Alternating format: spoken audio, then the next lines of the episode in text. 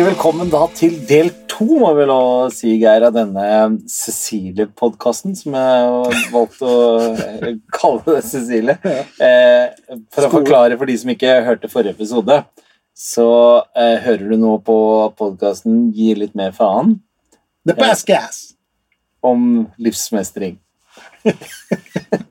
Men vi har vært Episoden heter Skole og psykisk helse, del Ja, to. Men del du vil at den skal hete Cecilie og psykisk helse? Da, det. Nei, men jeg, vi er folkelige, og Cecilie sitter her fortsatt med oss. Og vi har inngått et uh, løfte til hverandre at vi skal aldri si noe som ikke er sant i mm. podkasten vår. Mm. Uh, men vi kan godt unngå å fortelle alt, men hvis vi forteller noe, så må det være sant. Mm.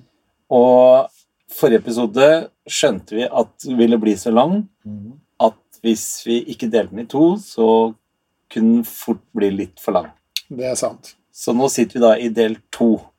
Så vi, det er jo ikke noe vits at vi bruker tid nå på hva har skjedd siden sist og sånn med deg, fordi Nei, det er jo bare fem minutter siden vi avsluttet forrige episode. det vil være en usannhet. Det vil være en usannhet. Ja. Men det som er sant, mm, er at jeg rett etter at vi slo av sist gang, Mm. fikk voksenkjeft av deg fordi jeg avbrøt Cecilie så mye.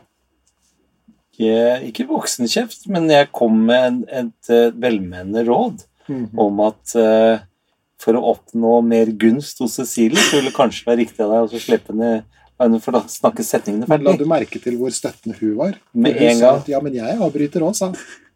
Ja, men det er jo, det er jo sånn Cecilie er. Hun, hun tar og er empatisk og viser omsorg. Ikke Og, sant? og, Det skal ha. Og forsvarer de svake, som jo er en psykologs viktigste jobb, Synes jeg. spesialist. Ja, spesialist. viktig. -hmm. Nok om det, Cecilie. Vi fortsetter. eh, Hjertelig velkommen til del. Tusen takk. Ja. Hyggelig å være her. Ja. Godt å være tilbake. Ja, det er veldig bra. Ja. Ny kaffe i koppen og Ja da, Ja, så nå er jeg nå, vet du. Jeg har fått litt kaffe hos deg, Cecilie, og du kan drikke Solo Pluss, og så kan vi voksne sitte og drikke litt kaffe. Kaller du det Solo Pluss? Heter det? Nei, Solo Super. Jeg også sier det hele den Til min sønns store irritasjon. Ja. Jeg har Ja, lyst på litt Solo Pluss. Jeg- Heter ikke det, sier han. Det heter Solo Super. Men det er noen sånn produktplasseringsdeal dere har skaffa dere, Du vet eller? jo hva, Ja, vi det enda kunne ha gjort vært det. Ja. Ja. Men eh, nei, nei. Blir ikke rik av det, for å si det Nei, det er, det er vi ikke, så Men det er jo en Carado bobil vi sitter i, det er helt riktig. Det, det er, det er eh, selskapet, firmaet sin bobil, så vi får ikke noe betalt for å nevne bobilen heller i den podkasten her. Så Men hvis det er noen eh, der ute som har lyst til å nevne spesielt, bare si fra. Vi har sponsorplasser, så det holder. Ja, så hvis du ser nå at det er noen ubrukte poster på PPT-tjenestekontoret ditt, så er det bare å støtte Vi kan godt skrive PPT på hele bilen. Mhm. Ja, hvis du har litt sponsormidler, Cecilie, så Det er Ja, veldig det vanlig i masse- Statoil kommune. Ja, det er det mye av. Ja. Ja. Mm. Nei, men eh, jeg tar kontakt med deg, ikke, Ja, det ikke kontakt med meg. eh, ja, det er jeg som er markedsansvarlig. Men er det det er, du? nei, nei, det skal jeg love deg. Det er deg. Ja, Ja. så er du redaktør. Nei, det er nå. Ja. Ja, ok. Ja, men det jeg tar heller den. Tar heller den. Men du, jeg sa inne, For å bare komme inn igjen på temaet, for vi snakker om skole og psykisk helse. Ja. Mhm. Og så sa jeg i stad at jeg opplevde litt grann at dere spiller på hver sin banehalvdel. Bare for å forklare hva jeg mente med det, for nå, nå prøvde dere begge to å forklare det når vi var off air. Mhm. Um, så det jeg mener med det, er at jeg opplever at uh, du kanskje er Ikke kritisk, jeg vil ikke Hvem bruke du? Du, Geir. Ja. Uh, Folk ser, folk ser oss ikke. men jeg tror de skjønner det når du svarer. Ja. Ja. Have faith, Geir. Just hang in there. Jeg er tålmodig nå. Ja. Ja. Um, men uh, um, Jo, ikke at du er kritisk, men jeg syns at du er veldig spørrende, og i og med at du jobber i, i PPT, i PPT, eller PP-tjenesten, Takk. så, eh, så eh, har du for det første mer innsyn i hva dette går ut på, men jeg opplever liksom som at du hadde også eh, ikke behov for å forsvare den, men for å forklare oss ikke begrepene At vi var litt enige om hva vi egentlig diskuterte. Ja, for begrepsutglidning, Ja. det er vi jo ikke noe særlig det er tilhengere av her. Det liker vi dårlig i denne podkasten. Ja. Ikke sant? Ja. Det har jeg skjønt. Så Ja. da ønsker jeg bare å ha det på det rene. Mm. Men du ga meg et eksempel som jeg synes var veldig fint når vi var off-air nå. Eh, Det her med at, eh, at man må kunne få lov å fortelle det om puberteten, at skolen kan få lov til det, og ikke det andre. Hva, hva mente du med det? Eh, Nei, jeg bare tenker at vi må, vi må skille litt Mm. på det som handler om eh, det jeg oppfatter som en ganske nøkterne Altså folkeopplysning, da, Mm. eh, som jeg tenker det herre LK20 kanskje Viser til. eh, Læreplanverket for Kunnskapsløftet 2020. Det var bra. Vi kaller det, vi kaller det LK20, vi, bare sånn for enkelhets skyld. Venner. Mange som, er, mange som er kritiske til det òg, altså. Og det tenker jeg, det må folk gjerne være, men jeg tenker vi må bare skille litt mellom snørr og barter, som vi sier i Trøndelag, i forhold til at det her er det som er måte, læreplanene som skolen er nødt til å forholde seg til. Og så er det i tillegg ulike programmer som man kan kjøpe inn, som kanskje går mer i dybden på det med psykisk helse. Og da er det litt greit å skille litt mellom hva som er det Ok, ene, Så det er som en sånn grunngreie som alle skolene må Ja, ha? og det må, det må de jo innføre. Ja, ikke sant? Mhm. Men så kan de kjøpe forskjellige programmer Ja. om de forskjellige emnene. De kan, kjøpe et, eller de kan kjøpe mange forskjellige programmer som utdyper den her biten om psykisk helse. Da. Men er det samme. Fra private aktører, eller? Ja, og noen offentlige også. Mm, men Men Ja. alle kjøper fra samme sted, da? Eller er det forskjellig? Kan skolene velge selv? eh, ja, Men er det så smart, da? ja, det er et veldig godt spørsmål. Ja, for da kan det være sånn at noen på den skolen lærer det, mens den samme skolen to mil unna lærer ikke om det. Ja, Burde ikke det vært Det er litt sånn, det er litt sånn som de som driver dagligvare, for jeg har jobbet på Kiwi nå også, vet du. ja, Ikke sant? De får et sortiment fra Kiwi-kontoret. Disse varene skal du ha i butikken. mm, Disse varene kan du ha i tillegg i butikken. Ja. Mm. Og sånn burde det vært på, på, på skolen også. Ja, og da er vel det her LK20 det det du er nødt til å ha i butikken. Og så det, finnes det ulike programmer som du kan ha i butikken, for Ja, å bruke analogien din. Men da er det sånn at Kiwi-butikkene Mm, har ikke lov å så En Kiwi-butikk har ikke lov å gjøre sånn og ta varer sånn. Det må være det samme sortimentet på alle Kiwi-butikkene, men ut ifra størrelsen på hvor stor Ja. omsetning de har, Ja. så kan de ha noen tilleggsvarer som er såkalt eh, mega Så analogien Far. mellom eh, dagligvare og skole går ikke, den går ikke helt eh, Nei, men jeg mener at alle. Kiwi-butikkene har samme varesortimentet. Ja. Men eh, det, her finnes det mange forskjellige, Mm. og skolene kan velge. Ikke bra. Skoleeierne Ikke bra. velge. Det dømmer jeg det til. Det, Ikke bra. nei, det er din Det mener du. Det er min dom. Ja, okay. Mm, Jeg tenker Det er jo litt tidlig å si før vi vet noen ting om effekten av dem, tenker jeg da. Ja, for det snakka vi om i forrige episode nå. Ja. At det er jo jammen meg ikke lett å finne ut av heller. Nei, Nei. det er det ikke. nei. Men du som jobber med Du, jobber, du er jo tross alt psykologspesialist. Mm. Ikke sant? Og du jobber med psykologi, pussig nok. Og, og blir du Opplever du liksom å bli rådført av skolene i ditt distrikt? Hva liksom du syns er lurt? Og, Ja. ja, Det blir rådspurt. ja. Ja. Heldigvis ok. så blir det det. Mm. Og hørt? Eh, Ja, det virker sånn i noen, noen ganger. Sikkert ikke alltid. Jeg, jeg skjønner hvis det her er et litt vanskelig spørsmål, Mm. men det er greit nok, for jeg tenker at du, du takler det. Mm. Hvis du var sånn diktator i Norge Du var, du var ikke bare psykologspesialist, men du var forsyne meg psykologdiktator òg. Og så fikk du i oppgave å diktere hva man skulle legge vekt på innenfor opplæring psykisk helse av barn og unge. Mm. Hva ville du lagt vekt på da? Sånn from the top of your head, som vi sier på nynorsk. Det jeg ville lagt vekt på da, Mhm. det hadde jo vært på å gi de her barn og unge eh, kunnskapene de trengte eh, for å mestre livet sitt. Mhm. Eh, og hvis jeg skulle på en måte velge ut noe, så vil det jo være å gi barna utsikt. Utsikt, ja. Og så tenker jeg, så kommer Så skal de også lære litt innsikt på veien, men det at vi, vi må liksom ikke glemme, og det her tror jeg lærerne er veldig bevisst på sjøl, Okay. at det å at psykisk helse det dreier seg om veldig mye mer enn å lære om symptomer og tanker og følelser. Det dreier seg om at skolen også skal få lov til å være et fristed hvor du kan få lov til å koble deg ut av ditt eget hode, bli engasjert av kunnskap og, og av medelevene dine, av de voksne du møter på skolen. For det er jo da vi mennesker har det best, er ikke det? Mm. Når Vi kan Vi kan- koble ut. Ja. Ja. Når vi ikke er så opptatt av å kikke innover, tenker du på? Mm. Men du sier at Du sier at ehm, eh, elevene Du hadde villet at elevene skulle lære å mestre livet.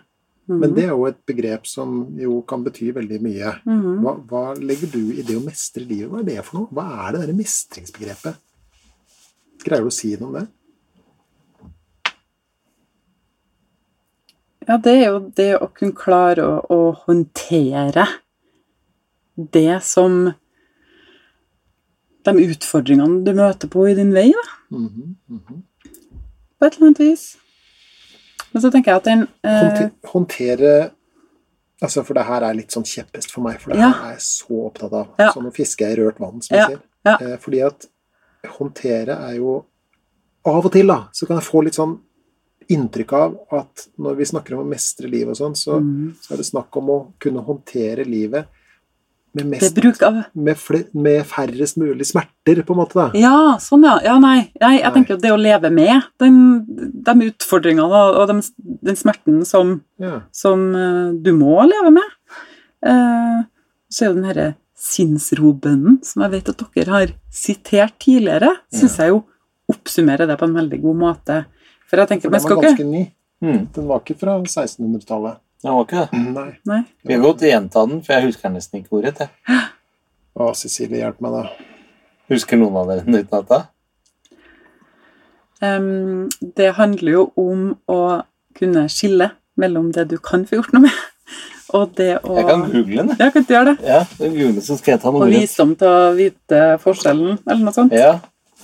Det er jo ikke et mål i seg sjøl at livet skal inneholde mest mulig smerte, Nei. men eh, Du, du, du sendte meg et sånt eh, et screenshot ja. som jeg syns var så innmari bra. Det er det jeg har sittet og lett etter nå. Mhm. Så jeg håper ikke at du ble distrahert av at jeg satt med telefonen mens du snakka. Det var kanskje Jeg litt dårlig det. gjort. Du ble det? Mm. Ah, ja, men det var ikke meningen. Så det var dårlig gjort i forhold til Tommy. Ja, Ja. ja. Mm. Jeg- er Veldig lett distraherbar. -hmm. Jeg, jeg tror det kan være noe sånn ja, oppmerksomhetsproblem, da. Gud, gi meg sinnsro til å akseptere de ting jeg ikke kan forandre, mot til å forandre de ting jeg kan, og visdom til å se forskjellen. Sånn er, Mhm. sånn er. Og det ser vi jo. Eh, at det å jobbe med å endre strategivalg i møte med utfordringer, eh, det kan jo være hensiktsmessig å jobbe med. Selv om ikke det betyr at man skal dytte vonde tanker eller vonde følelser bort, mm. så kan jo det å, å av og til kanskje ta grep når du egentlig unngår å ta grep, Mm. Vær hensiktsmessig. Så når du sier strategivalg, hva mener du da? Da tenker jeg at når vi blir aktivert på et eller annet vis, trigga, som vi sier, Mhm. Ja, for det er også et begrep. Ja. ja. at vi, når vi tenker eller føler noe som gjerne opprører oss på et eller annet vis, da, så, så, så ta, gjør vi noen valg. Og de valgene er, er vi ikke alltid klar over. Mm. Og Det tenker jeg jo at i behandling, eksempel, så vil jo det kanskje ofte være den første fasen. Mm. Det å kartlegge men hva er det egentlig jeg gjør, da? For det er man jo Det kan jo gå litt sånn på, på automatikken av og til. Uh, og at det å bli klar over hva jeg gjør uh, Nå Snakker du nå om det som vi i denne podkasten har kalt mestringsstrategier? Ja, vi kan jo kalle det for det, da. Mhm. Mm. Mm. Og det å bli klar over hva Og dere, jeg vet jo at dere har eh, en litt sånn metakognitiv tilnærming her, så vi kan jo velge å bruke begreper derfra, da. Mm. Men det, at, det å bli klar over hva er det jeg gjør med oppmerksomheten min, eller hva er det jeg gjør med eh, hvilke, hvilken tankestil er det jeg har, og, og hvilke, hvilken atferd er det jeg utøver, det er jo viktig å bli klar over. Sånn at du har Da har du jo også et valg. Mm. Skal jeg fortsette å gjøre det samme, eller skal jeg eh, prøve å gjøre noe annerledes? Mm. Kanskje skal jeg gjøre mindre, kanskje jeg skal gjøre mer. Eh, men det vi ikke kan forandre, det er jo det som kanskje utløser denne, her, eh, denne atferden eller, eller valgene i utgangspunktet. Og det er jo kanskje det at vi eh, tenker negativ tanke i møte med eh, La oss si at man ser en, en post på, på Facebook, da, for dem som er så gamle at de bruker det. Mhm. Her er det folk som er ute på tur i, i marka, mens eh, her ligger jeg hjemme på sofaen, ikke sant, Også, også, og, og med potetgullposen min. Da dukker det kanskje opp en tanke. Og, så, og det ubehaget som du kanskje kjenner, da, det er kanskje ikke det, det er kanskje ikke det som er problemet, men kanskje sette i gang med at du gjør en del uhensiktsmessige ting. Eh, det vil man jo kanskje i en behandlingssetting da, Mm. jobbe med å, å se på. Så da tenker du at på, på lik linje med voksne, da, så kan Mhm. man jobbe med nettopp det som ligger i, i, som en essens i, mm. i sinnsrobønnen, Mm. og som vi har snakket om tidligere, Tommy, også dette med stoisismen, f.eks. Mm. Ikke sant? Dette med at det jeg kan gjøre noe med, Mm. eh, det, kan, det skal jeg gjøre noe med, dersom det er hensiktsmessig på et vis. Mm. Og det, det jeg ikke får gjort noe med, Mhm. det skal jeg i det minste øve på å la ligge. Ja. Er det litt sånn? ja. Du, du, du har sendt meg du, har, du skal få lov til å snakke ganske snart, men jeg må bare få lov til å si det her, fordi at det her er litt i samme gata da, som Mm. det du snakker om. Mm. For du sendte meg nemlig et, eh, et sånt sitat av en, en lærer som heter Jørg Arne Jørgensen, Mhm. hvis, eh, hvis ikke jeg husker feil.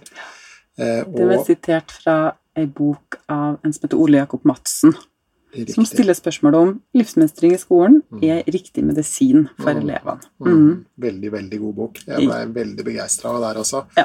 Han er jo både filosof og psykolog, Ja. ja, så han har tenkt både på det ene og det andre. Sånn. Ja. Men i, i den Er det boka forskjell på det?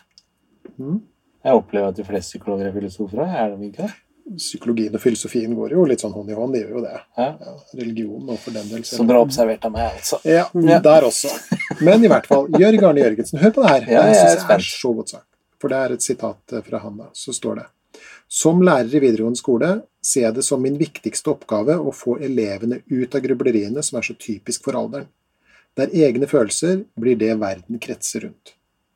Om jeg kan tenne en gnist, vekke interesse for noe utenfor en selv, litteratur, politikk, verden, hva som helst, da har jeg gjort jobben min. Wow. Og det sitatet får jeg gåsehud av. Mm. Og jeg tenker jo at Jeg får litt tårer i øynene. Du gjør det, blir Mm. på øyelokket. Mm. Ja. Mm. Nei, men takk for at du deler. Tommy. Ja. Eh, og, og, her har vi en lærer, tenker jeg, som har forstått Som har jobben sin i, i, i vid forstand. Da, Mm. ikke sant? Det å løfte folk ut av seg selv, og, og også hva skal vi si, vekke interessen for den verden som er der ute, og der har vi snakka masse om, Tommy, Mm. Mm. som også forsøker å fortelle deg noe om livet. Da, ikke sant? Gjennom litteratur og kunst og alle disse tingene. Mm.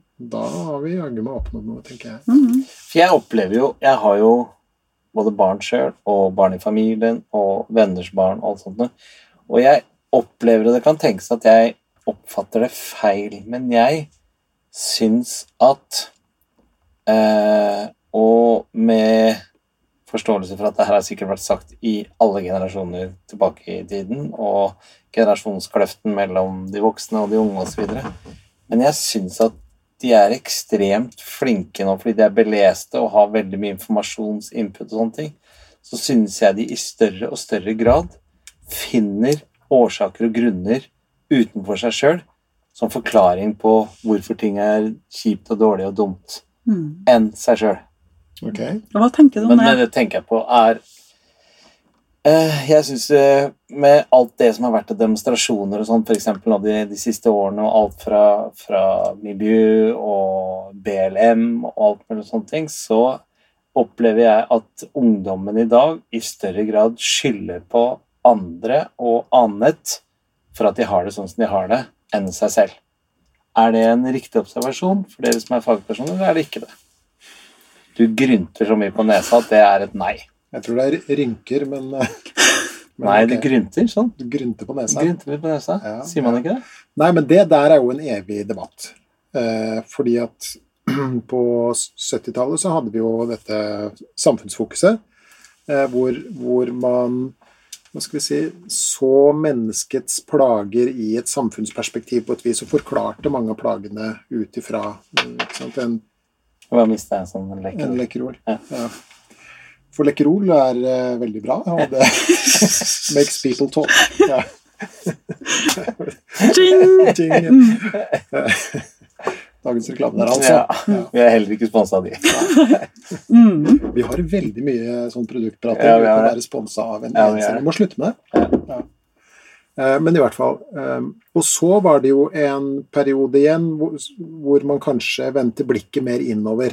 ikke sant? Og, og selvanklaga for hvorfor man hadde det som det man hadde det, og man skulle være sin egen lykkesmed. Og, og hvis ikke du hadde det bra, så var det fordi at du ikke evna å ta deg sammen, eller noe sånt. Mm. Og den kampen går jo litt sånn fram og tilbake på et vis. Mm. Men du, vi kan jo bare sitte her og synse. Mm. Du jobber med barn og unge. Mm. Du snakka om eksternalisering og internalisering eh, i stad. Ja. Og, og jeg skjønner at det her er selvfølgelig På individnivå, Tommy, så er det jo, kan vi jo skal vi si, nyansere det her veldig. Mm. Men på gruppenivå, da. Gruppenivå er jeg veldig opptatt av. den Veldig opptatt av gruppenivå. eh, Og generalisering for Ja. å forstå noe av verden, for det må vi av av og til gjøre. Hva, hvor tenker du vi er i terrenget der nå? Eh, nei, der ser vi jo at det er en økning av internaliserte vansker, altså angst og depresjon f.eks. Og så har vi jo sett over noen år at en del av det her med altså, um, rus og vold og, og en del altså, ungdomskriminalitet og tagging og sånn, f.eks. Hvor har det blitt av tagging hen? Det- Du savner det? Nei. eh, nei, ikke sånn personlig, men, at, men det er interessant at det her går jo i litt sånne bølger. ikke sant? Men at vi ser at det er i hvert fall en, at det er sånn uh, at det er en reduksjon av en del av den her sånn, kanskje mer sånn utagerende atferden. Eh, det kan vi jo fange opp sånn på gruppenivå. Jeg bare drøfta det med en del av dem som jobber på skolene, hvor jeg er kontaktperson. Og de sier jo også det. At tidligere så var det jo hærverk og liksom en del, av, en del sånn. Ja, altså det er i hvert fall mye mindre av det. Og så går det jo det går litt sånn i, i bølger og daler, altså. Men, men at det er en tendens til at det er mye mer av den her mer um, Altså angst og depresjon og, og en del sånn som kanskje tyder på at en del unge venner liksom kanskje blikker litt innover, da. Mm.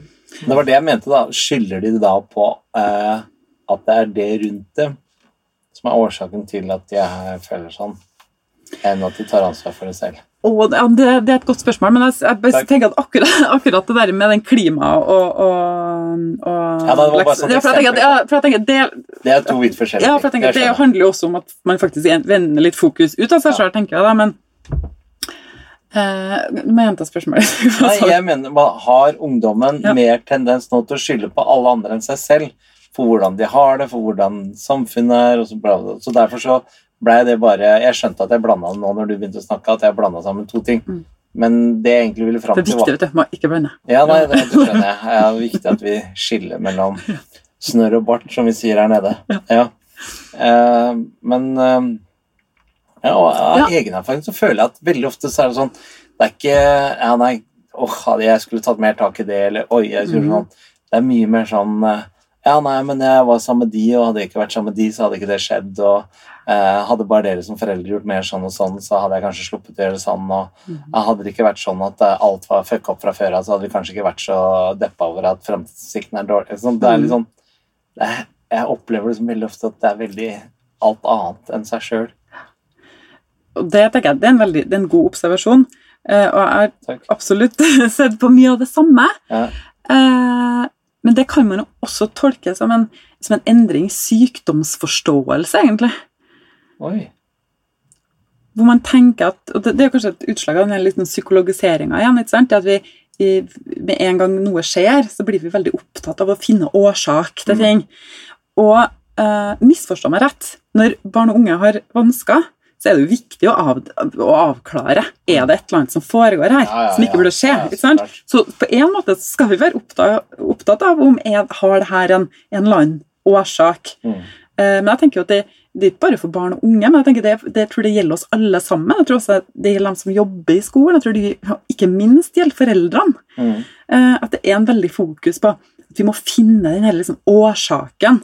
Eh, vi snakka litt om det med vaksinen i sted. Mm. Dro en analogi til korona Forrige episode. i forrige episode. vet du, sånn var det. Eh, Forrige postgass, som vi kaller det. Ja. Men kanskje ser vi noe av det samme, at vi har liksom den troa på at vi det finnes en eller annen underliggende årsak, det finnes en eller annen underliggende forklaring Mm. for vansker. Og på samme måte som med koronaviruset, så kan vi, hvis vi bare fjerner den underliggende årsaken, eventuelt klarer å vaksinere for det, da har vi liksom løst gåten. Da blir alt bra. Ja, og så er spørsmålet om psykiske lidelser f.eks.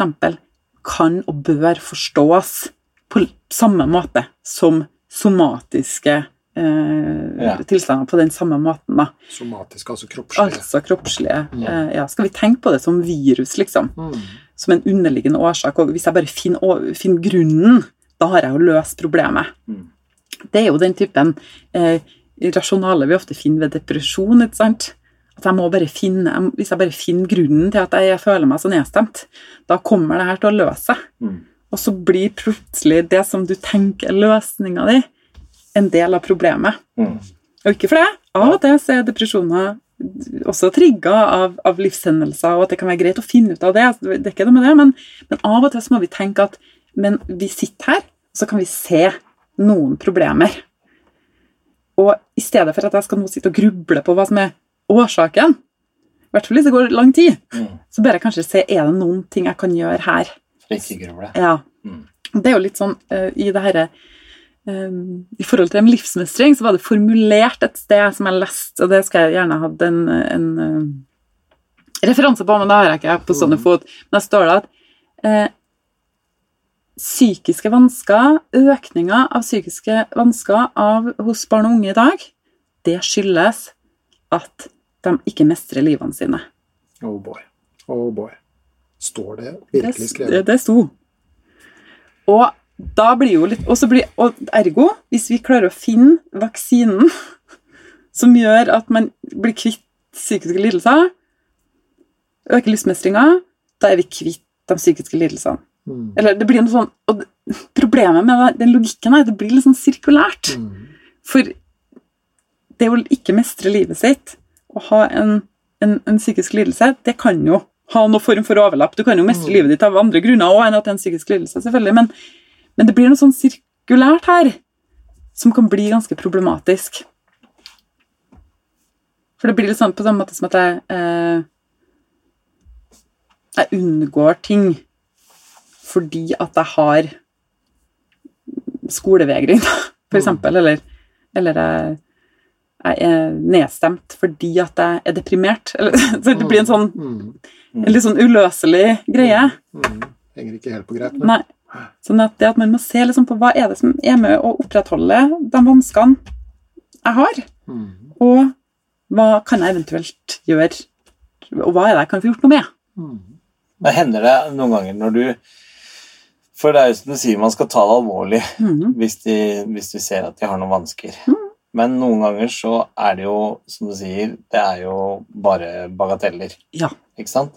Men sier du det til dem da?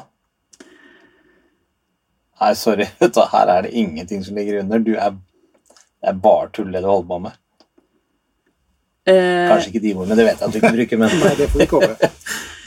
men får de beskjed om at eh, Eller er du Syns du det er jeg snakker jo om det at det her er, noe, at det her er eh, normalt, Ja. eller påregnelig. Ja, det er ikke noe å bruke tid på. Ja. ja. Mhm. Blir de glade, da? Ja, og så er det jo ofte også, også det skoler eller foreldre som henvender seg og tenker at de er, de er bekymra. Mm. Tenker at det her er jo Faktisk ikke noe å bekymre seg for. Ja, av og til så er det ikke det. Nei. Mm.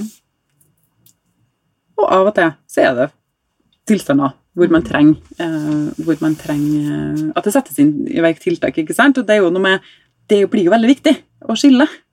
Opplever du noen gang at at ja at uh, Jeg kan godt gjøre det åpent, at jeg kan åpne munnen min og Jeg syns det der var veldig åpent, men det er greit. Nei, det er ikke det. Jeg Nei. prøver å ta det inni meg. Ok, ok.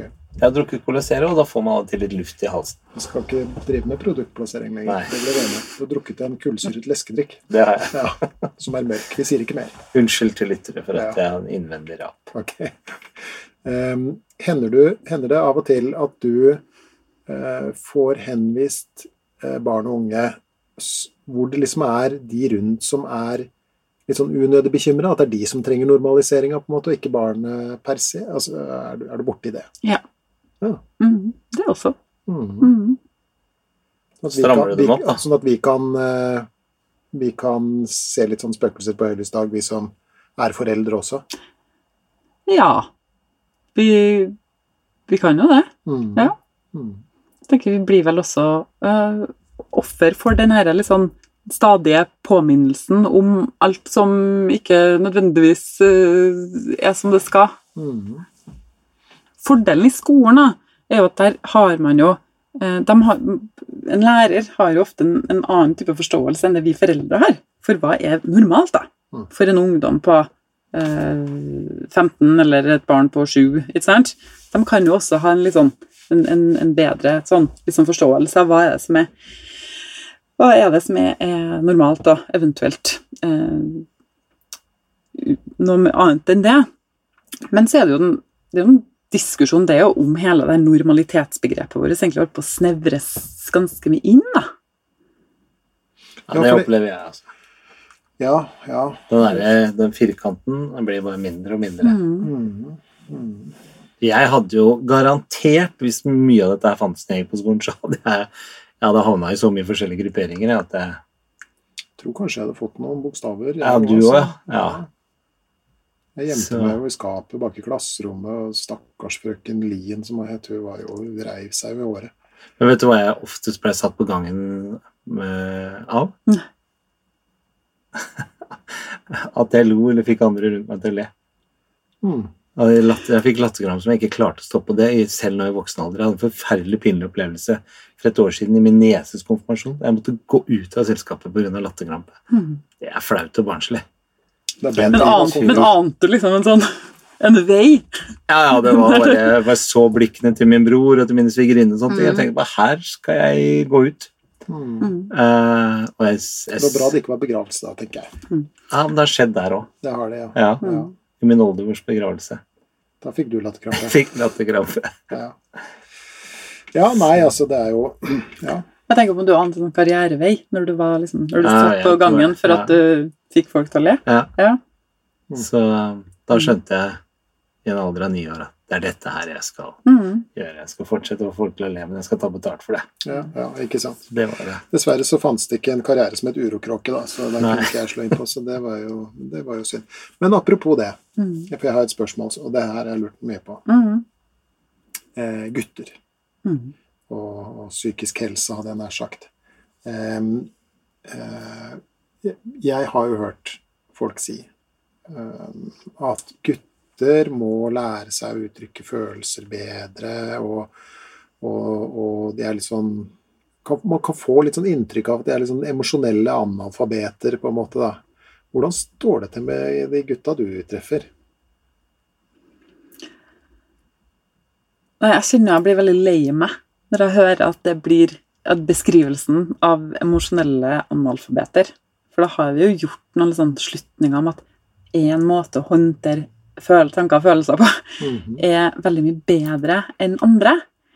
Eh, og det Vi har jo ikke noe grunn Vi, vi vet jo ikke noe om det. Jeg tenker at det, det var en artikkel for eh, en liten stund tilbake eh, om, om, om det var en prest eller en eller annen som i hvert fall hatt som jobb å dele ut dødsbudskap. Ja, uff da. Den het sånn 'Meg vil du ikke ha besøk av i fredagstacoen', tror jeg var overskrifta på, artikkelen. Ja, og han beskrev jo hvordan han altså Det er jo litt av en jobb å ha, ikke sant? Å, å ringe på døra til folk for å fortelle at eh, en nær og kjær er død. Mm. Men han beskrev jo det her med hvor forskjellige folk reagerte. Mm. At noen har eh, Noen gråt og har behov for å snakke. Eh, og noen hyler og skriker, kanskje. Og så er det noen som har behov for å gå ut og hogge ved. Mm. Og hvem er vi til å definere at det ene er mer høyverdig enn det andre? Mm. Vi snakka jo litt om det i den episoden om sorg. sorg. Mm. Og det verste, før du sa det greiene der, så Mm. slo det meg det greiene med sorg også. Mm. For der var vi veldig enige om at det det er ikke noe som heter rett måte eller gal måte å sørge på. Mm. Og det tenker jeg det er det også med å vise eller ikke vise følelser også. Mm. Mm. At det er ikke noe som er rett eller noe som er galt. Det er eh, Hver enkelt har sin måte å gjøre det på. Men man kan jo Nå er det jo Nå snakker jeg ut fra hva skal jeg si, et barmannsøyne her, da. Men, men jeg, jeg, må jo si at jeg opp igjennom liksom min oppvekst og sånt nå har vel fått et visst sånn inntrykk av at det er eh, jentemåten å uttrykke seg på som er den Mm. riktige. Man må snakke om følelsene sine, og man må dele dem, og man må helst være litt sånn emosjonell og vise at man kan gråte og sånt. Og så er det Mm. samtidig så er det jo mitt inntrykk at, at eh, Og her er det jo svære overlapp, ikke Mm. sant? Det er jo mer likheter mellom oss enn ulikheter sånn sett. Men, men samtidig så så er jeg så redd for, da, og har også vært borti tilfeller av, at, at, at gutta liksom skal få litt sånn annenrangsstempel, på en måte. Mm. Ikke sant? At det, er litt sånn som du sier, da, at det er en feil måte å uttrykke eh, følelser på. Mm. Blir liksom Så er det ditt inntrykk at gutta blir møtt på sin måte å gjøre det på i skolen, eller hvordan er det? Jeg vet at det fisker litt i rørt vann her, men Mm. Hva betyr det? fiskerørt vann? Ja. At man eh, er ledende spørsmål. Man, ja, det er litt sånn ledende Mm. spørsmål. Ja. Nei da, det her har jo vært et, det er jo et mye omdiskutert tema, akkurat det du, det du beskriver der, da.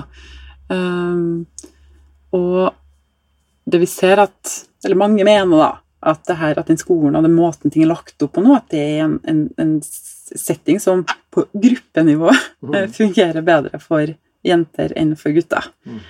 Um, men da har jeg lyst til å bare trekke fram et eksempel fra det området der jeg jobber. For Der har vi en, en, en, um, fylkeskommunen som har gått sammen med en del private aktører og laga et litt sånn mer alternativt eh, um, opplegg for, for videregående opplæring, også, hvor man også har, har inkludert, eh, inkludert noen grunnskoleelever. Eh, og hvor man lage en sånn vinn-vinn-situasjon for de her elevene som enten har droppa ut, eller står i fare for å droppe ut av, av skolen, eh, får en mulighet til å jobbe. Og på den måten eh, fullføre eh, opplæringa si. Og de her bedriftene får flinke ansatte, ikke sant? Fordi at de her elevene får jobb i de her eh, tiltakene etterpå. Og det, det er jo bare helt fantastisk å se på hvordan eh, Ja, at det finnes noen måter, da. eh, og kanskje bøte på noen av de utfordringene vi møter i altså skolen sånn som den er organisert på nå. For det er, det er helt klart at det er, det er utfordringer. Eh, men at det finnes, at det går an å tenke noen alternativer Mm. fram til man eventuelt har en helt ny modell for skole. Da. Det er jo mange som har, har, har visjoner for det. Mm. Eh, men det at en del gutter som kanskje har bruk for å få, få, få ja, brukt seg litt mer eh, praktisk, da. Eh, at det også kan finnes tilbud for dem, eh, det er jo kjempeviktig. Og, og jeg skulle ønske at det finnes mange lignende prosjekter, sånn som det her som heter Hoppbakkeprosjektet i Vikersund. Skulle ønske at det fantes flust av det over hele Norge. Eh, dessverre så er det ikke nok sånt, altså. Jeg, veldig, jeg blir glad av å høre det der. Mm. På gode følelser inni meg. Mm. Eh, Men, men eh, det der er jo en av de tingene som, som jeg skulle ønske man kunne snakke om på politisk nivå. Da. Mm. Eh, Fordi at altså jeg jobber jo i Nav, Mm. og, og jeg har jo arbeidsperspektiv i det jeg driver med. Jeg jobber jo med folk som enten har falt ut eller står i fare for å falle ut av arbeidslivet. Ja. En av de tingene som har slått meg med stadig tyngre kraft av den siste tida, er det at vi har vi har ikke bare automatisert oss eh, bort fra en del ting, men også akademisert oss da, Mm. bort fra, fra en del muligheter for I gamle dager så, var, så sa de eh, om eh, Og særlig gutter, da, litt sånn urolige gutter. Han har det mer i, i beina enn i huet, sa de. Mm. Og det var jo godt ment. Mm. Det vil da si at det var kanskje ikke så teoretisk anlagt, men litt mer praktisk og litt maur i ræva og litt sånn som det er. Mm. Poenget var at før så kunne du dra kunne hogge ved i skauen, for at man dreiv med det i gamle dager. Man hadde ikke svære maskiner som kvista med 40 mål på no time, ikke sant. Eh, For da måtte du ut med busaga, litt som du sier, Tommy. Man kunne begynne på båt. Alt det der er jo borte. Mm. Man kunne bli hjelpemann på bil. Mm. Jobbe i en butikk, f.eks. Nå må du For det første så er mange av disse jobbene outsourca, utflagga, eh, automatisert. Jeg så her forleden at en eller annen sånn butikkjede skulle eh, gå til anskaffelse av en sånn, kall det en ryddeguttrobot, mm. Som skulle gå mellom hyllene og skanne etter hull og fylle på bokser og sånn som er. Kunne også en, en ung person, gutt eller jente, det spiller ikke noen rolle det, eh, fått gjøre istedenfor, og fått nettopp verdifull erfaring fra arbeidsliv og sånn. Men nei, nei, men nå skal vi Og stor jubel, da. ikke sant? Nå skal vi automatisere det her.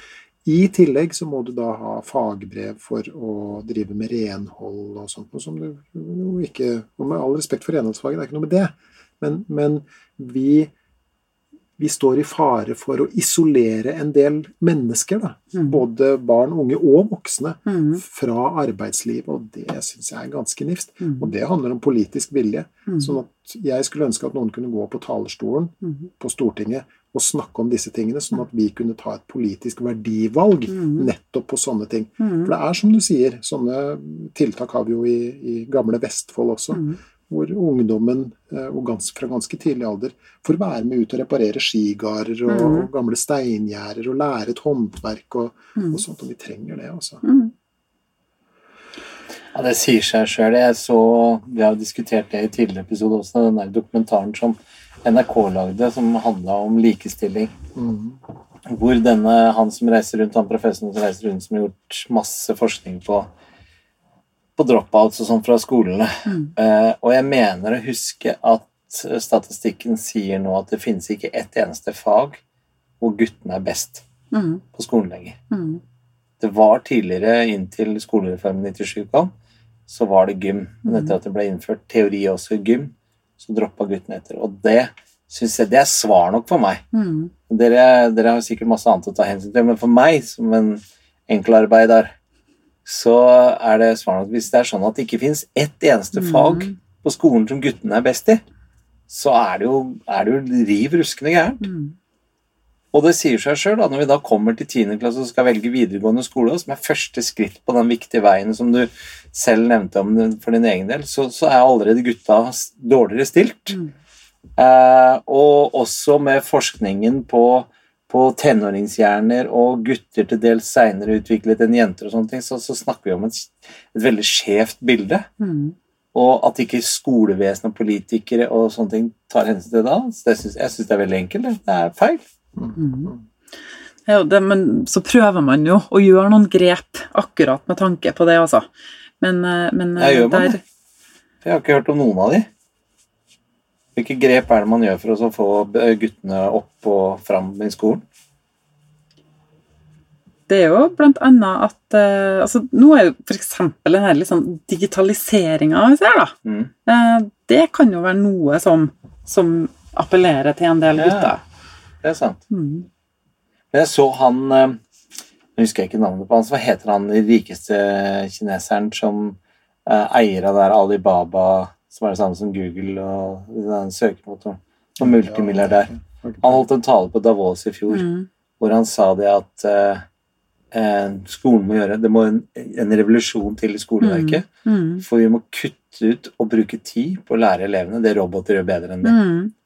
Mm. Og heller konsentrere oss i å bli flinkere på mellommenneskelige ting, eh, kunst eh, Ikke sant? Alle de tingene som roboter aldri kan erstatte oss i. mm. Det er det vi skal utdanne ungdommen i. Mm. Eh, for det å sitte der sånn og bruke liksom ett år av livet på å lære alle fjelltoppene i verden, Mm. når du veit at ungdommen kan bare taste inn to sekunder på Google, og så finner de det ut, Mm. hadde ikke noe hensikt med et annet. Mm. Men det å Hvordan skal du oppføre deg, ta vare på familien din, vennene dine?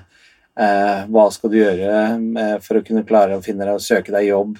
Finne deg jobb, hva er viktig på jobb? Sånne ting skal vi utdanne elevene. Mm. Enten det, eller så må vi faktisk ta som jeg sa i stad da, et verdivalg på at vi ikke skal automatisere så mye. Nettopp for at det skal være plass til alle i, i et arbeidsliv. For det er heller ikke alle som har empatiske evner i den grad at de kan jobbe med folk, eller har kunstneriske evner, eller Ikke Men håndverksting, Ja, det er jo ikke sant? ikke Ja. masse håndverksting som vi kan lære opp, Mm. eh, som vi kan få tilbake. Mm. ja. Nei, det er jo ting som tyder på Det er vanskelig. Det er- ja, Det er vanskelig Det er mange, ja. det er, mange hensyn å ta. Så vi kan jo slå fast at eh, noe fasit for hvordan skolene skal drives, både når det gjelder livsmestring og fag og sånne ting, det finner vi ikke her i kveld. Nei, det gjør vi vel antagelig ikke. Nei. Men det går jo også an å tenke noen tanker om det tenker jeg da. Det føler jeg vi har, har vi gjort, vært veldig flinke til. Så tenker jeg, skal vi ha litt respekt for dem som jobber med det? Utvikling av skole.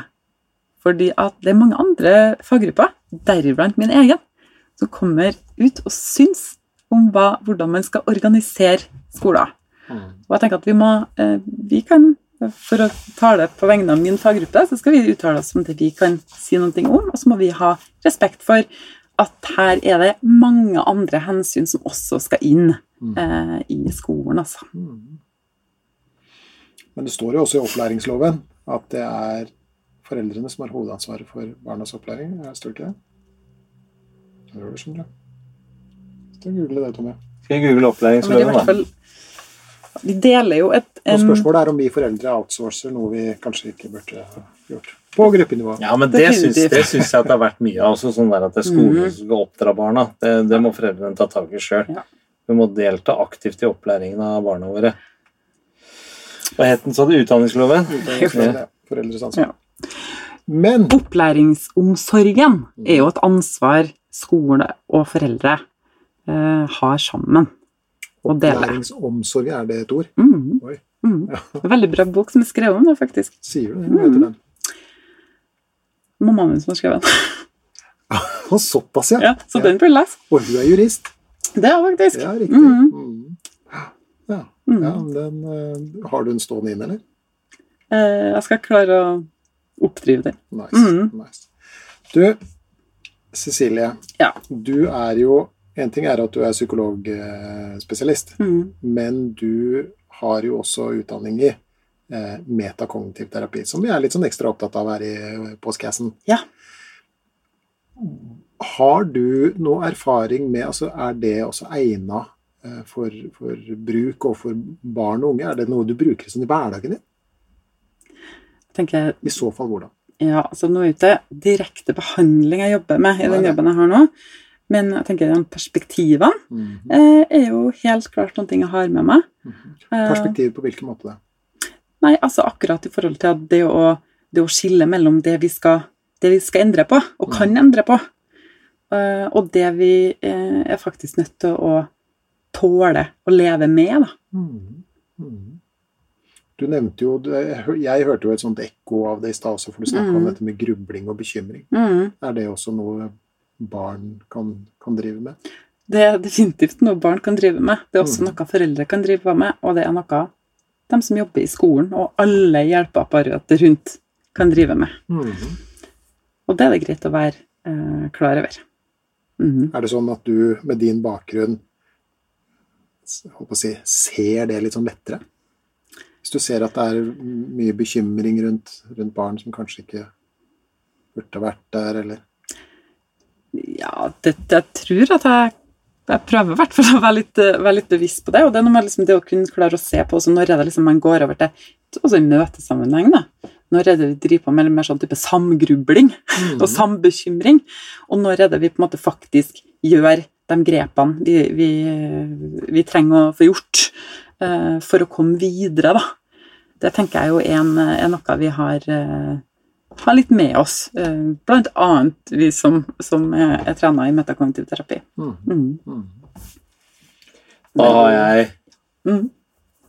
funnet Jeg vet ikke om det understøtter akkurat det du sa, men Nei. kanskje det står Det. Opplæring i skole og lærebedrift skal i samarbeid og forståelse med heimen åpne dører mot verden og framtida og gi elevene og lærlingene historisk og kulturell innsikt og forankring.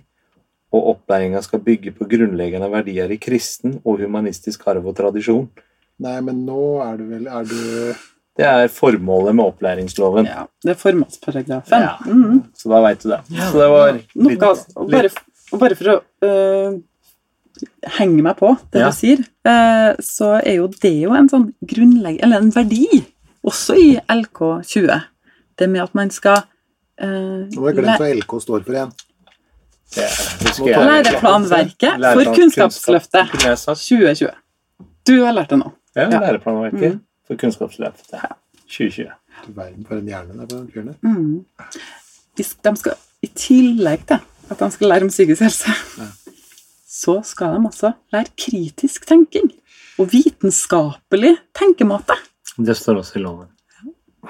Vitenskapelig tenkemåte, Ja. Mm. ja. Hvem skal lære dem det, da? Vitenskapsmennene.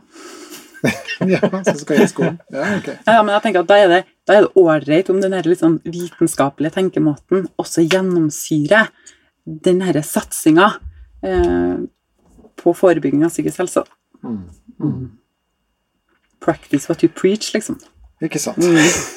Føler du at du har fått svar på de Jeg føler det veldig, særlig i venstre stortå. Ja, du gjør Men det? tenker Men kjenner du ikke sånn varm følelse inni deg? Nei, det gjør jeg ikke. Jeg kjenner en svak antydning til at jeg må tisse. Ja, men det har Men ikke noe med det. bortsett fra det, så er det min mening og min oppfatning Ja. at jeg har lært veldig mye i dag, altså. Ja. Men Cecilie, stakkar, skal jo ikke få slippe billig unna, for nå skal vi ja, for det her gjør vi hver eneste gang vi har en gjest. Ja. Så det er ikke noe spesielt for meg, altså. Nei, det er nok Nei, ikke det, det. Nei. det at vi er her i dag, er spesielt for deg. Ja, ja. Eh, Men eh, alle gjestene våre må igjennom to spørsmål. For ja, jeg nå er det egentlig tre, skjønner du, for jeg har et ekstra. Det er ikke lov? Er det? jeg tar, vet du hva? Jeg tar meg den frihet til å stille et ekstraspørsmål først. og så Føler vi du det er to. riktig? Jeg føler det i høyre stortall. eh, og Han er så opptatt av begreper. skjønner du. jeg er veldig opptatt av Ja, da skal du Skille begynne, mellom da. Tanker og følelser, f.eks., er jeg veldig opptatt av. Mm. Skal du begynne? Jeg skal begynne, Ja. og jeg husker vi stilte det spørsmålet til eh, han doktoren vi hadde òg, Mhm. Kaveh Kaveh Rashidi. Eh, fordi at på samme måte som leger er det, så er det nok også psykologspesialister mennesker, da. Ikke sant? I mange tilfeller. I bunn og grunn. I bunn og grunn. og grunn Mm. ser vi veldig, alle Ja. sammen. Mm. Hva gjør en psykologspesialist når liksom livet lugger litt, og det er litt motbakke, og det er litt tungt og mørkt og, og gjørmete og sånt? Da? Da som, Jeg har, jeg har sikkert flere ting der, men jeg er nok veldig tilbøyelig til å ta kontakt med en venn. Det gjør du. Du ringer en venn som på Jeopardy. Det gjør jeg. Ja. Mm. Og det kan jo være altså, selvfølgelig mannen min, det kan være barna mine, det kan være andre, men jeg tenker det å eh, Jeg har nok en sånn type preferanse, da. Mhm. At jeg syns det er godt å kunne få snakke med noen. Mm. Hvis jeg syns at livet går litt imot tilbake. For det gjør du av og til. ja. Så da oppsøker du andre selskap, på en måte. Ja. Er det for å, å liksom få snakka ordentlig ut om ting, eller er det for å få tenke på noe annet, eller hva? Det kan være begge deler, egentlig. Ja. Mm. Av og til så er det jo for å få litt sånn nye perspektiver. For man går seg jo litt sånn fast av og til. Man blir litt husblind i eget hue, ja. Ja, man kan det. Eh, og det er jo, tenker jeg, det er vel den rollen vi kan ha som, som terapeuter òg. At vi kan være en sånn type sparringspartner. Og det, jeg er heldig, ja. Har mange sånne gode sparringspartnere rundt omkring. Mange gode venner. Mm. Så bra. Du må bare ringe meg i framtida. Altså, hvis du er Kan jeg? fag- ja, hvis det er noen fagområder du føler jeg dekker, så Ja, bare å ringe. Men han er fin å prate med, skjønner du. ja, ja. ja. Sånn Men han er fin å prate med, ja. Flere ganger. Ja. Ja, ja, Ja. Nei, han retter opp meg, og jeg retter opp han, så det er går fint. ja sant? Ja, ja. Så det er mulig vi nå snart burde begynne å henvende oss til andre enn bare oss selv. ja, det er sant. Da får dere ringe til meg. Da kan vi ringe Ja, deg. ja, Ja, ja. da, så Det koselig dette kan eh, bli. Litt sekretorisk der. Ja. Men eh, vi har jo disse to eh, spørsmålene vi alltid sier. Vil du stille ditt først? Det kan jeg gjøre, for vi, den podkasten heter jo eh, Gi litt mer faen. Mm. Er det noe som helst i livet ditt du skulle ønske at du var litt flinkere til å gi litt mer faen i? Ja, det er mange ting. Jeg tror jeg tar mange ting altfor alvorlig. Ja. Um, men hva skulle det ha vært, da? Nei, jeg tenker at det er liksom den dårlige samvittigheten, kanskje. Mm. Men av og til kjenner jeg som som jeg egentlig ikke har noen grunn til å kjenne på. Ja. Hva er det du kan få dårlig samvittighet for? Eh, nei, det kan jo være mange ting. Det kan jo være Nei, så når du Jeg tenker meg burde ha Burde komme meg ut, og så, og så er jeg inne, eller du burde ha liksom et eller annet sånt. Da. Altså, man burde liksom Ja, driver med mye burting? ja det er litt burding, da. Litt for mye burding. Ja. Mhm. Øver du på å slutte med det? Ja. Jeg tror det? ja. Tror du det eller ei? Ja, ja. Ja. Nei, men jeg Det er ikke helt i mål. Nei. Nei, Det blir vi aldri. Nei. Jeg tror ikke Kanskje jeg skal gi, det går an kanskje å gi litt uh, blaffen i det òg. Mm. At man ikke er helt i mål. Ikke sant? Mm. Ja, at ikke det alltid må være noe på mål. Mm. Men uh, hva heter det? Veien er en del av reisen. Veldig klokt sagt. Ja, Ja. Det er bare sånn jeg tar eh, Du er et oppkomme Båten blir til mens man ror. Altså, Ja. ja. Mm. Den er er også veldig fin der. Den er, eh, Båten blir til mens man ror. Har du ikke hørt den før? Nei. Nei? Nei, veien blir til mens man går, har jeg hørt. Ah, ja. Men ikke båten blir til mens man ror. Det er Ja, så- fin. Mm. Ja? Ja. Ja. Um, Neida, men jeg tenker, det er en sånn generell greie, da. Vi burde kanskje være litt sånn flinkere til det, alle sammen. I litt litt- faen i dårlig samvittighet. Ja, litt sånn her, tenk at man, man gjør så godt man kan ut fra der man er, og så, og så er det, må det være bra nok, da. Mm. Mm. Jeg, min mening om dårlig samvittighet er jo Mhm. at det stort sett er den mest bortkasta følelsen i hele verden. Ja. For den er liksom bare ah, Hva er det for noe, liksom? Ja. Av og til så kan den jo fortelle oss noe. Ja. Hvis vi har sagt noe som vi virkelig ikke burde ha sagt, eller noe sånt. Ja. Det er jo greit nok. Ja. Men mye av den dårlige samvittigheten, i hvert fall hos de jeg møter, Ja. den er ganske bortkasta, altså. Mm. Ja. Den prøver liksom å Slash angring. Angring også. Ja. Mm. Dårlig samvittighet slash angring. Mm. Gå litt i hverandre, føler jeg. Mm. Det kunne jeg bli Det øver jeg på hele tiden. til å bli flinkere. Tenker for mye på Tommy 1-0 og bruker tid på det, og det er ikke noe vits i. Mm. Mitt spørsmål, Mm. Cecilie, Mm. er Hva vet du nå om livet som du skulle ønske at du visste da du var 20 år gammel ish? Sånn slutten av tenåra. Er det noe du vet nå som du skulle ønske at du visste da? Um, ja Det er sikkert mange ting. Men det første som slår meg, er jo hele den her sånn, den, med overtenkinga, liksom. Og det her har blitt litt sånn klar over. For når jeg har snakka med elever som beskriver at de Kanskje noen også som har vært på litt sånn her forebyggende foredrag og sånn, som blir veldig opptatt av at de skal tenke riktig. Mm. Så at man kan bruke mye tid på, på det her med å, å, å gruble og bekymre seg og sånt. Eh, og, og, og faktisk bruke Det er jo mange som beskriver at de har brukt mer tid kanskje på å gruble og bekymre seg enn til å faktisk forberede seg. Ikke sant? For at de blir så opp, rikt, opptatt av at de skal tenke på de riktige tankene osv. Mm. Um, det, det opplevde ikke jeg på den måten, men jeg har nok bekymra meg ja, eh, mye for det her med eh, for mange ting. Og at jeg Det kunne jeg godt ha tenkt meg å lært når jeg var 20. Mm. Eller kanskje enda yngre. Så spørsmålet er hadde jeg klart å tatt imot det? Har jeg tenkt på. Mm. Eller er det sånn at jeg måtte gå noen runder før jeg erfarte det? da? Mm. Så hjalp det jo fælt å, å lære metakognitiv terapi. da. Det må jo bare navnes. Mm. Mm. Agree, altså. Hør, hør. Hør, hør, ja. Ja. ja. Jeg tror svaret mitt Jeg vet ikke om jeg har du sagt hva du skulle ønske. Sa vi det noen gang?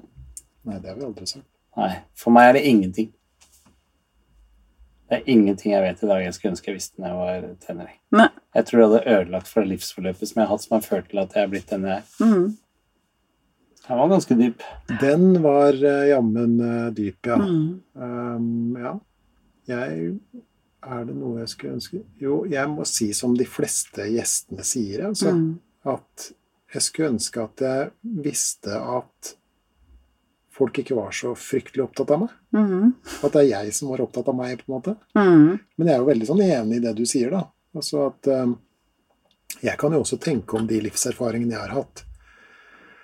Eh, at sant, Mange av dem har jo vært smertefulle og, og sånn. Og tidligere, jeg har jo snakka litt om det tidligere også, at, at jeg har hatt perioder med sånn sinne og bitterhet og sånt nå. Men nå, i den alderen jeg er nå, Mm. så er jeg glad for dem. Mm. Jeg er glad for alt livet har kasta i min retning. Mm. Eh, fordi at det har gjort meg til det jeg er. Mm. Mm. Og jeg har en sånn uh, ordtøkje som altså, Jeg pleier å si at en av de mest Hvis noen snakker om barn og unge, da. Mm. En av de mest skal si, ubarmhjertige spørsmålene jeg har fått noen gang, er bare dette med Vil du ha, vil du ha eh, smertefrie barn, Mm. eller vil du ha kompetente barn? Mm. Og det er selve kjernen i, i min holdning til eh, dette med barn og, og psykisk helse. At ja, det er nok mange måter å gjøre det her på, men Mm. det vi i det minste ikke må gjøre, Mm. nå er det jeg som mener her, Mm. er at vi, vi må ikke berøve dem fra, for smerte. Nei. For den er viktig. Mm.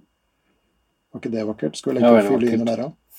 Ja, det kan du gjøre. Ja, okay, Det er litt, vi hadde det i en episode, så Ja, det er hadde lenge siden. Så Ja, det vi er på drøyer fiolinene denne, gangen. Ja.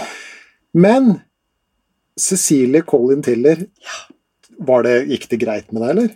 Ja, jeg syns det her var en ålreit opplevelse. Ja, du syns Ja. det? Ja. Var litt nervøs til å begynne. Hadde litt vonde følelser inni deg? Ja, det, jeg var litt, eh, litt småstressa. Litt Ja. spent. Ja. Litt engstelig. Sånn. Ja, ja. Jeg syns det veldig har bra. flytet veldig bra. Veldig Jeg bra. må si Det virker nesten som om du skal ha vært med på podkast før. Mhm. Så profesjonell syns jeg det var. Ja, det var veldig bra. Ja. Veldig bra. Det burde vi kanskje gjort med gjestene. Eller hatt en sånn generalprøve og så gått på opptak etterpå. Ikke sant? Ja. Ja, det kan tenkes. Da slapp vi det med deg. Det slapp vi. Mm. Ja. Men du, jeg må bare få lov til å si en ting. Mm. Og det er det at vi har faktisk noen vi samarbeider med. Det er ikke Cola, det er ikke Lekkerol, og det er ikke Solo eller noe som helst. Nei, men vi har T-shirt. Vi har T-shirt. T-shirt.no. T-shirt.no er blitt en veldig god samarbeidspartner. Mhm. eh, I form av at nå kommer vi til å etter hvert nå, så driver vi, Du og jeg driver og lager sånn Ikke jeg, men du har forslag til sånn gadget, så vi skal ha en egen gadget-store.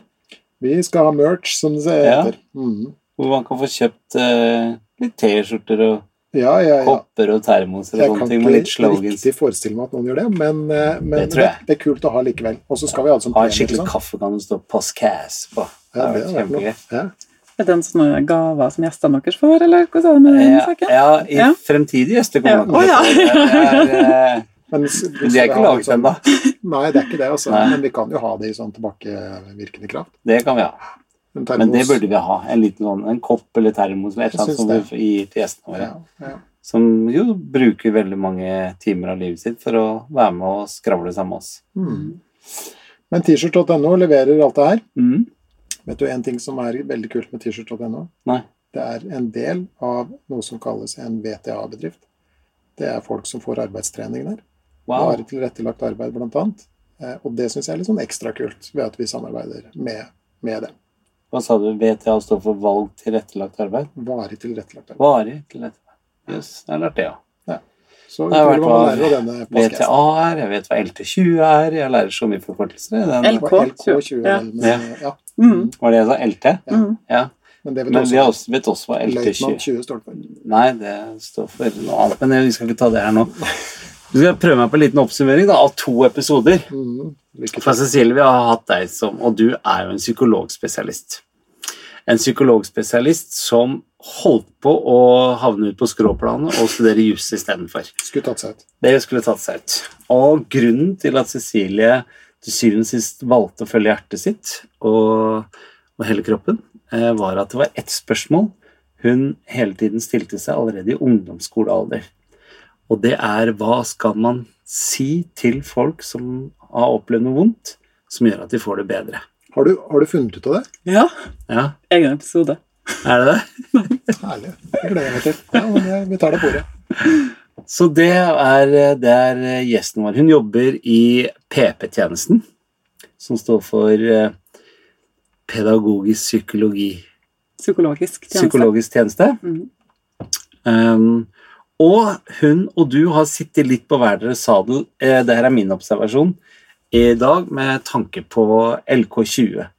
Eh, så hvis du er litt usikker på, på hva det står for, så er det en forkortelse.